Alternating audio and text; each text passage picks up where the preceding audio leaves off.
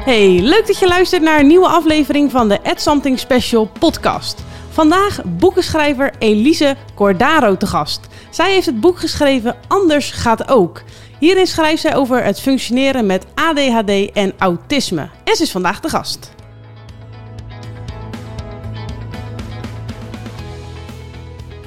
Elise, welkom in de podcast. Dank u. Leuk dat je er bent. Uh, op ook wel verzoek van uh, veel van mijn luisteraars die jouw boek hebben gelezen en eigenlijk toch wel heel erg benieuwd waren naar jouw verhaal. En uh, jij stond daarvoor open, dus echt superleuk dat je er bent. nou ja, laten we even starten met wie je bent en nou ja, wat je doet. Um, ja, ik ben dus Elise en ik ben 33. um, ik werk in online marketing. Uh, en ik heb uh, op mijn 26 de diagnose ADHD gekregen en een jaar later uh, de diagnose autisme erbij. Oké, okay, nou ja, we gaan het over die combinatie natuurlijk nog veel meer hebben. Um, je was 26 toen je diagnose kreeg. Eh, wat was er in je leven nou ja, eigenlijk aan de hand? Of wat was er waardoor je merkte van... hé, hey, um, ik ga eens naar de huisarts? Ik heb altijd wel enorm veel concentratieproblemen gehad, maar ik heb eigenlijk nooit ook maar het vermoeden gehad dat er, uh, dat er een reden voor zou zijn. Ik dacht gewoon dat dat aan mij lag en dat ik wel gewoon wat harder mijn best moest doen en dat iedereen het even moeilijk had als ik. Um, en dan is er een periode geweest, zo vanaf mijn 19 ongeveer. Uh, mijn ouders zijn toen ook gescheiden. Ik zat heel slecht in mijn vel. En ik, ik voelde dat er, iets, dat er iets niet klopte. Dat er zo... Ik begon, ja, ik begon het gevoel te krijgen dat het kind heeft een naam. Er moet iets meer zijn dan gewoon maar karakter trekken of zo. Ja. En ik heb toen ja, echt ja, zeven jaar eigenlijk actief zitten zoeken en uh, ik kon het maar niet vinden. Totdat een klasgenoot van mij sprak over, over ADHD en sprak over concentratieproblemen. En ik wist totaal niet dat ADHD daarmee te maken. Ik kende daar niks van. Voor mij was ADHD, ik had echt zo'n heel vreselijk clichébeeld van wat je op tv ziet. Dat zijn achtjarige jongetjes die onhandelbaar zijn in de gordijnen hangen de hele dag. Dus ik dacht, dat, dat kan ik nooit hebben. Um, maar kijk, blijkbaar dus, uh, dus wel. Ja, nou... Dus dat was uh, dan de eerste diagnose. En dan een jaar later, um, ik had een vriend met, met autisme en ik, uh, ik wou hem beter begrijpen toen.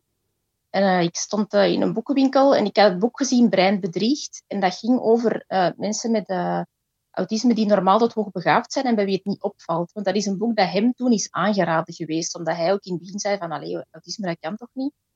En ik, ik wist ook niet dat dat zo op die manier kon voorkomen, dus ik was erin ontbladeren. Ik was nog maar op de inhoudstafel en dacht, oh, iemand heeft mijn biografie geschreven. Wauw.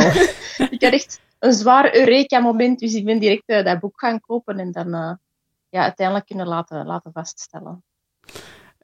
Hoe is het dan om um, dan, hè, je hebt een soort van net pas te horen gekregen dat je dus het ene hebt. En dan ineens kom je er eigenlijk per toeval achter dat je het ander hebt. Heb je dan niet bij je diagnose van ADHD al zoiets gehad van, hè, maar hoe hebben ze dat toen niet al kunnen merken? Um, ja, die ADHD, ik ben echt toen voor het eerst naar een psychiater gegaan en ook met de concrete vraag van, heb ik ADHD? Dus op zich is er daarom ook niet naar iets anders gekeken. Nee. Maar toen ik die diagnose kreeg, had ik al wel snel het gevoel van ja, het dikt niet de volledige lading. Er is meer. Er zijn ook veel dingen van ADHD, zoals heel impulsief of soms roekeloos gedrag of zo. Ik heb dat totaal niet. En dan echt zo die behoefte aan, aan routine en orde en, en alles moet gepland zijn en vooral niks spontaan gaan doen. Ik dacht, ja, misschien is dat zo hè, de, de chaos van de ADHD, dat ik dat wil compenseren op die manier. Maar ik, ik voelde dat dat wel dat het anders was. En daarom dat ik toch een beetje verder uh, was gaan graven en toen, toen ik dan wist van, van autisme, dan wist ik dat ik mij daar toch wel net misschien het iets beter in herkende. Zo, maar ik dan ook wel kenmerken van ADHD. Dus echt wel uh, een mengeling. En sommige symptomen van het een compenseren symptomen van het andere. Zo. Dus het is, uh, ja, het is best wel complex eigenlijk. Ja, ik kan me ook voorstellen dat daar misschien ook helemaal nog niet heel veel informatie over beschikbaar is. Ja, ja ik heb toen ook wel gezocht naar boeken uh, over de, de combinatie van beide. En ik heb er niet zoveel gevonden. Nee, en toen dacht je, dus ik ga er zelf ja. heen schrijven. ja, voilà. nou, vertel eens, hoe is dat proces gegaan? Ja, ik had, um, toen ik mijn diagnose had gekregen, um, heb ik, uh, ik had een blog waar ik ja, ik schreef zo modeartikels of zo. Ik, ik, wist zo niet goed waar ik naartoe wou met die blog. En toen ik dan uh, mijn diagnose had gekregen, uh, vooral na die tweede diagnose van autisme, die, uh, die psycholoog die mij die diagnose meedeelde, die zei toen nog van, van deze week echt, die doet het al tien jaar en ik heb dat echt nog niet veel meegemaakt. Hij zei, ik ben hier nu met u aan het praten, één op één. Ik weet dat je de diagnose hebt en ik kan het totaal niet aan u zien. Mm. En hij zei ook, je functioneert goed, jij werkt voltijds, je hebt een relatie, jij, jij woont alleen en zo. En hij zei, ja, dat komt eigenlijk maar voor bij 10 à 15 procent van mensen met autisme die zo goed functioneren en zo goed kunnen wegsteken. Wow. En toen wist ik van, ik heb iets te vertellen, want ja, er zijn zoveel mensen die problemen hebben, dezelfde als ik. En voor sommige dingen heb ik oplossingen gevonden, dus ik moet dat gewoon delen. Dat die andere mensen daar ook geen tien jaar moeten over doen, om een manier te vinden die, die voor hun werkt. Dus ik ben dan uh, op mijn blog artikels beginnen schrijven. Um, en dan heb ik, um, ja, ben ik zo een paar keer zo in de krant geweest of zo. En op een gegeven moment ben ik, kwam ik in Flair te staan. Dat was een vrij groot artikel. Uh, en een uitgeverij heeft dat opgepikt en die hebben mij toen uh, gemaild met de vraag, uh, in de subjectline stond er zin in een boek, vraagteken. En ik dacht, ah. ja, waar moet ik tekenen? ik begin er nu aan. ja, ja, dus op die manier is dat eigenlijk ja, gekomen. En um, nou ja, weet je, mensen die nieuwsgierig zijn naar het boek, het is gewoon op bol.com verkrijgbaar. Kun je, kun je een heel klein deel um, weggeven eigenlijk van wat jij in je boek beschrijft? Dus wat mensen in jouw boek kunnen uh, lezen en wat ze eraan kunnen hebben? Ja, ik heb um, ik, het eerste deel heb ik zo'n beetje geschreven over de, de diagnose, wat dat gekomen is en waarom dat bij vrouwen ja, weinig opvalt. Want zowel autisme als ADHD blijft, alleen veel vrouwen blijven zo onder de radar. En dan heb ik uh, mijn grootste hoofdstuk gaat eigenlijk over, over het ja, organiseren van het dagelijks leven. Dus hoe ik plan en, en routines en hoe ik omga met nieuwe en onverwachte situaties en hoe ik er allemaal uh, heb uitgedacht. En dan is er een hoofdstuk over um, sociale relaties. Uh, een heel hoofdstuk over vermoeidheid, omdat dat iets is dat zowel bij autisme als ADHD bij veel mensen voorkomt. Bij mij is dat echt mijn grootste probleem, mijn grootste hindernis in mijn functioneren. En daar is zo goed als niks over te vinden, wat, ik heel, allee, wat mij echt verbaast. Ik heb daar een heel hoofdstuk over geschreven. En dan een hoofdstuk over studeren en dan uh, tenslotte over uh, werk, hoe ik daar functioneer. Ja, heel tof. Ik, uh, ik ben echt heel benieuwd. Ik hoop ook echt dat, uh, dat mensen je boek gewoon lekker gaan lezen en uh, er ook echt iets, iets aan gaan hebben. Um, ik heb een sticker op mijn Instagram geplaatst met vragen die um, nou ja, mijn volgers hadden aan jou. ik had zelf ook echt nog wel wat vragen en ik heb ook echt wel wat dingen voorbij zien komen dat ik dacht van, oh, dat wil ik eigenlijk ook wel heel graag weten. ik pak ze er eventjes bij. Um, dan beginnen we met de vraag. Kijken hoor. Hoe het dus kan en of het klopt dat uh, vrouwen met ADD of ADHD en autisme zich uh, zo goed sociaal kunnen redden. En ik denk ook wel, als ik het zelf aanvul, hoe het kan dat ze ook zo onder de radar blijven en dat het vaak niet echt opvalt. Eh, weet jij hoe dat kan? Ja, um, ik denk dat ja, van, van jongs af aan wordt er denk ik van, van jongetjes zo iets meer geaccepteerd dat ze dat ze zo een ding doen. Of dat ze bijvoorbeeld op een familiefeest in een hoekje met hun uh, speelgoedterreintjes zitten te spelen of zo. De meisjes moeten flink mee aan tafel zitten en uh, zich vooral sociaal wenselijk gedragen. Um, ik denk ook dat vrouwen zich misschien net iets meer bewust zijn van hun sociale tekortkomingen. Er heel graag willen bijhoren. En ze zijn er ook heel goed in om, om uh, gedrag van anderen te gaan observeren en dat dan een beetje te kopiëren eigenlijk. En ook dingen die bijvoorbeeld bij jongens opvallen, is um, vooral bij autisme dan, dat die zo heel um, obsessieve interesses kunnen hebben. Um, en dat gaat zo bijvoorbeeld eh, over trainen of zo, dat zijn zo, echt zo de cliché dingen. Ja, ja. En meisjes hebben dat ook, maar die, die interesses zijn vaak minder raar, zeg maar. Minder opvallend. Uh, paard, ja, paarden of popsterren of zo. Maar er zijn heel veel meisjes die dat hebben. Het is gewoon de mate waarin die verschilt, maar daarom valt dat minder op. Want als je zegt van ja, mijn kind is helemaal geobsedeerd door paarden, dan gaan mensen zeggen van ja, maar ja, dat is, dat is bij alle meisjes zo. Dat is helemaal niet, ja. niet vreemd of zo. Dus het is, zo iets, iets subtieler, denk ik. En ook wat die hyperactiviteit en zo betreft bij ADHD, dat is ook iets dat zich bij, bij vrouwen meer uit in, in innerlijke onrust. Bijvoorbeeld zo met je been zitten wiebelen of je opgejaagd voelen, onrustig zijn, niet kunnen slapen. Dus dat uit zich eerder daar, daarin en niet zo heel uiterlijk. Het is zo meer geïnternaliseerd, denk ja. ik. Ja. ja, dat klinkt wel logisch. Uh, volgende vraag gaat over uh, omgaan met emoties, van, vooral van anderen, zoals inlevingsvermogen. Uh, ik denk dat dat ook misschien wel een beetje zo'n zo'n zo'n stereotype beeld is over autisme. Hoe ervaar jij dat persoonlijk? Um, ja, dat is echt een heel grote misvatting. Hè, dat mensen met autisme geen empathie hebben, terwijl het bij heel veel mensen net, net omgekeerd is. Dat die, um, ja, alles komt juist heel, heel hard binnen. En ik heb, ik heb soms het gevoel dat ik zelfs empathischer ben dan de, dan de gemiddelde mens. Maar dat komt zodanig hard binnen dat ik daar soms volledig op blokkeer en niet meer weet waar ik daar moet op reageren, maar dat zo overweldigend is. Hmm. Of gewoon, ja, ik kan het wel voelen, maar inderdaad, ik heb misschien niet altijd de, de sociale vaardigheden om daar gepast op te reageren. En dan, dan weet ik ook niet goed van, ja, wat moet ik hier eigenlijk meedoen. En dan kan dat bij, bij andere mensen misschien wel eens overkomen van ja, het kan er precies niks schelen. Terwijl het voor mij juist zo, zo erg is dat ik denk van oh, hoe moet ik hier dan juist op reageren wat ik dan zo, zo erg vind of zo. Maar dat lijkt me best wel eens om uit te leggen. Dat lijkt me best wel frustrerend dat dat beeld er dus is. En dat je misschien juist wel soort van het te goed wil doen, waardoor je het niet kan doen of zo. Ja, ja, eigenlijk wel. Nou, er kwamen best ook wel wat vragen binnen over. Um, ik moet ze even bundelen. Kun je ADD hebben zonder autisme? Of iemand anders zei: eh, ADD en autisme horen eigenlijk onder dezelfde groep. Kan je dan ook ADD hebben zonder dat je autisme hebt? Uh, je had daar volgens mij wel een mooie uitleg over. Ja, al die um, ja, stoornissen tussen aanhalingstekens uh, die vallen allemaal onder de groep van de pervasieve ontwikkelingsstoornissen. Ik denk dat daar ook uh, Tourette en zo onder vallen. Dat is best wel een grote groep. Dus ja, je kunt, uh, je kunt één ding hebben of je kunt er meerdere hebben. Er is ooit iemand mij gezegd, je moet het dus wel voorstellen als dat elke diagnose zijn zo grote cirkels die zo hier en daar overlappen. En dan gooit er iemand zo met vogelenpiek en daar waar je belandt, dat is wat je hebt. Dus je kunt bijvoorbeeld veel hebben van het ene en een stukje van het ander. En uh, omdat, ze, omdat veel van de symptomen lopen een beetje in elkaar over. Sommige zijn dan weer anders.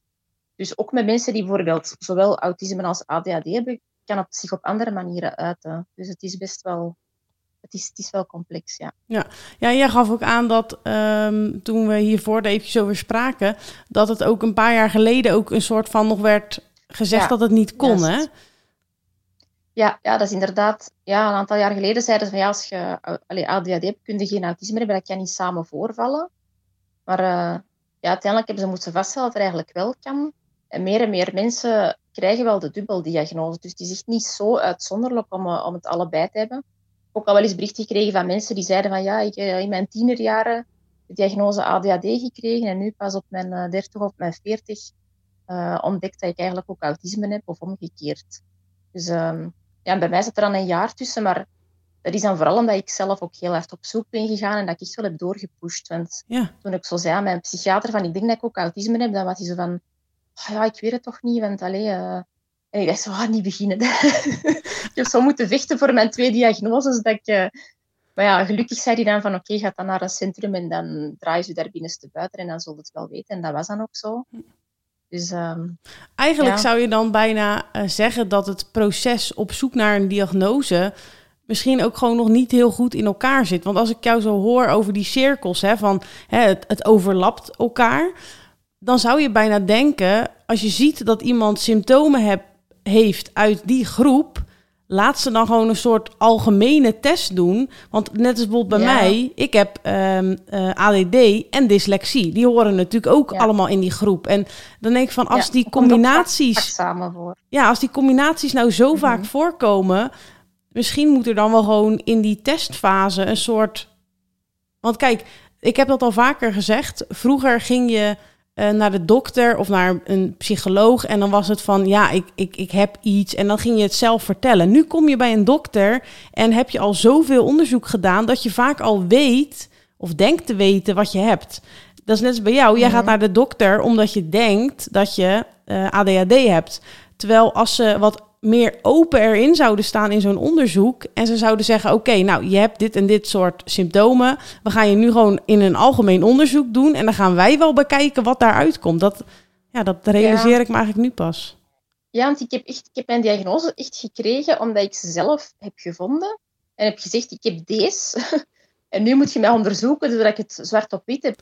Maar ik ben de jaren voor mijn diagnose wel bij verschillende psychologen geweest en, en met mijn symptomen. Maar ik, ik, ik kon dat zo moeilijk omschrijven wat er toen in mij omging. En zo, zelfs ja, het symptoom van concentratieproblemen, ik heb dat amper vermeld, omdat ik ook helemaal niet wist dat dat een symptoom was van iets. Dus ik, ik kon zelf ook de puzzelstukken niet goed aanreiken, maar ik ben heel vaak, allee, ik ben wel hulp gaan zoeken en niemand had ook maar een vermoeden dat... Allee, ik kreeg altijd te horen van, er is niks mis met je, je moet gewoon een beetje meer ontspannen en zo. Hm. Ah. En toen ik um, mijn eerste vermoeden had van ADHD, ik ging toen naar een, uh, een psycholoog van studentenvoorzieningen van, van de school, was al een paar keer geweest en ik had dat dan van die student gehoord. Dus ik zei van ja, zou het misschien niet kunnen dat ik ADHD heb, want ik heb toch echt wel veel concentratieproblemen. Oh, en die reageren zo gefrustreerd van, maar nee, er is echt niks mis met u. Je kunt geen ADHD hebben, want je hebt diploma's. En daarmee was de kous af. En ik dacht toen echt van, ik voelde mij echt zo. Ik dacht, ik heb mij aangesteld, ik ben aan het overdrijven. Er zijn mensen die het veel erger hebben. ADHD is veel erger dan wat ik heb. Ja. En er heeft dan echt nog een half jaar geduurd voordat ik echt naar een psychiater ben gegaan en gedacht heb van, en nu ga ik mij fatsoenlijk laten onderzoeken, want ik heb het gewoon wel. Ja. Maar die zes maanden heb ik altijd gedacht van, ja, ik moet gewoon een, allez, een beetje meer mijn best doen en niet stoppen met flauw te doen en zo. Maar dat is echt, ja, of, of zoals dat gezegd, hè, van, ze moeten nu volledig onderzoeken. Nog zoiets is bijvoorbeeld, um, ja, heel veel vrouwen met autisme krijgen in de loop van hun leven verkeerde diagnoses. En verkeerde behandeling, verkeerde medicatie, met alle gevolgen van dien. En ook één op de vijf vrouwen of meisjes met um, een eetstoornis, anorexia, heeft onderliggend autisme. Terwijl op de gewone bevolking is dat 1 op 100 die autisme heeft. Dus er is wel een verband.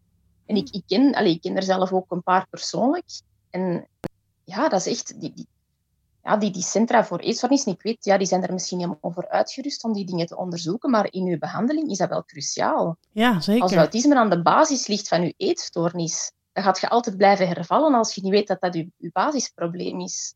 Ja, wauw. Dus, dus eigenlijk wordt een eetstoornis behandeld als het hoofdprobleem, terwijl het misschien gewoon een gevolg is van autisme. Ja, ja en alleen die eetstoornis moet ook behandeld worden, want vaak gaat dat een eigen leven leiden en wordt dat ook een stoornis op zich. Maar ja, je moet wel, als het komt door, door autisme en de stress en al die dingen, en, en dat is, dat is, die eetstoornis wordt dan je copingmechanisme, maar als je dat niet leert, niet leert omgaan met dat autisme, dan gaat je altijd daarop blijven terugvallen.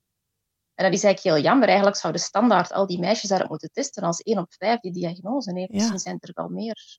Ja. ja. Dus eigenlijk hoor ik jou ook zeggen dat er dat de kans ook heel groot is dat er heel veel vrouwen rondlopen die dus ook gewoon ja, het niet weten. Dat is eigenlijk best wel heftig. Ja.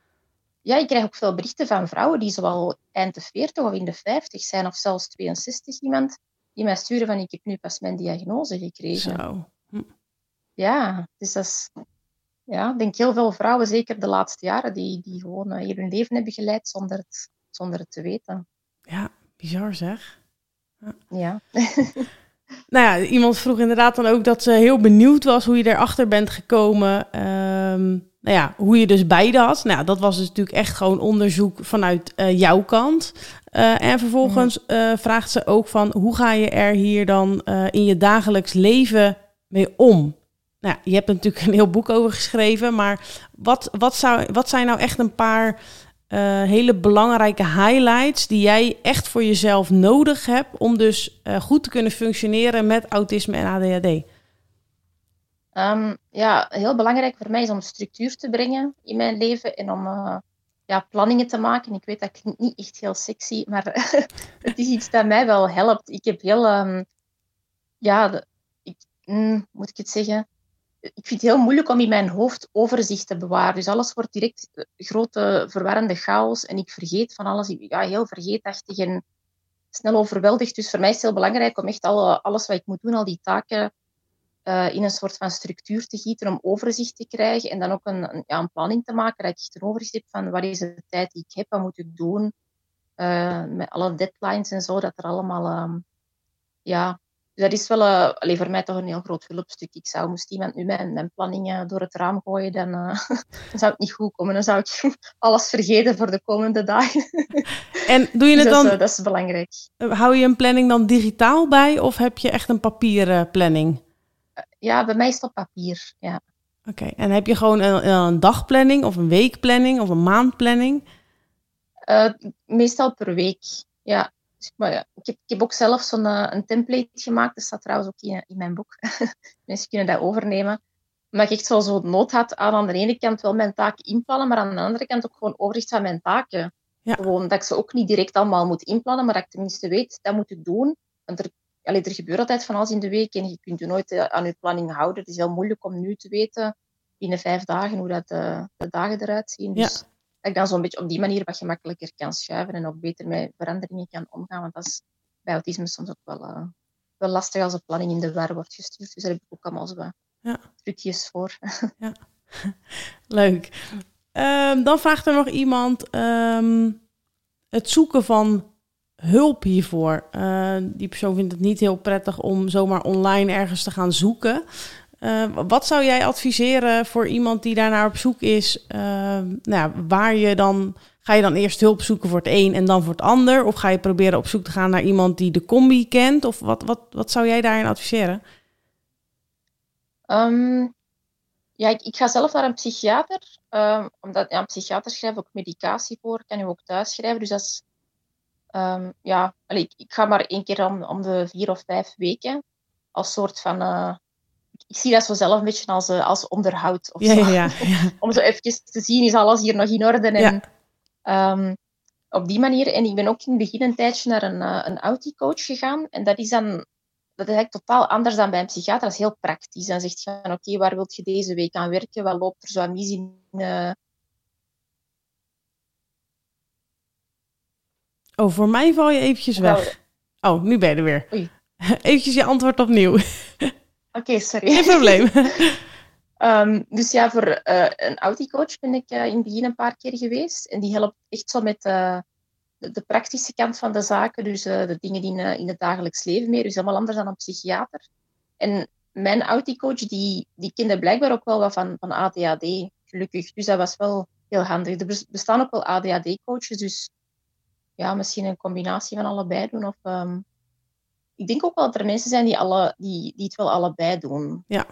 Dat zou natuurlijk wel, uh, wel, wel handig zijn. Maar aangezien dat ADHD en autisme ook overlappen, denk ik dat ze, ook een auticoach ook wel automatisch iets van, van ADHD kent. Dus, ja, um, ja, Dat, dat klinkt inderdaad wel logisch. Um, even kijken hoor. Jij hier inderdaad ook um, uh, behandeling. Nou ja, dat, daar heb je natuurlijk net al iets over verteld. Maar misschien uh, daarop voortbordurend uh, medicatie. zijn er ook medicatie die dus ook qua effect overlappend zijn voor autisme en ADHD? Hmm. Ah, dat weet ik eigenlijk niet. Ja, ik neem, um, ik neem trazolan s'avonds om te kunnen slapen. Um, ik heb heel veel moeite om, om te slapen. En slaapproblemen is iets dat zowel bij autisme als ADHD voorkomt. Ja. Um, dat is dan een soort van overlapping wel. En ik neem overdag dexamfetamine om mij te kunnen concentreren. ik, ik weet eigenlijk niet, ja, denk, bij, autisme kan dat denk ik ook wel voorkomen, concentratieprobleem, maar ik weet ja, misschien niet in dezelfde mate. Ja, ik, kan dat moeilijk, ik kan ze zo heel moeilijk uit elkaar trekken, omdat ze bij mij zo verweven zitten. Dus ik kan zo... Soms vragen mensen van, ah, is deze een kenmerk van autisme of van ADHD? Een kenmerk van mij. Ja. ik, weet, het niet goed. En dat is net sommige dingen kan ik heel duidelijk het onderscheid maken, maar bij anderen denk ik, ja, geen idee. Het is zo loopt een beetje allemaal in elkaar over. Ik heb, in het begin had ik daar ook wel heel veel last van. Ik, ik wou echt weten, wat is nu het een, wat is het ander en wat, wat is er van mij? Zo, zijn, of wat, wat, heb ik aangeleerd, wat is er... Dus ik, maar ik heb, daaraan, ik heb dat moeten loslaten, terwijl ik had gewoon geen andere keuze, want daar word je gewoon, gewoon gek van eigenlijk. Ja, ja.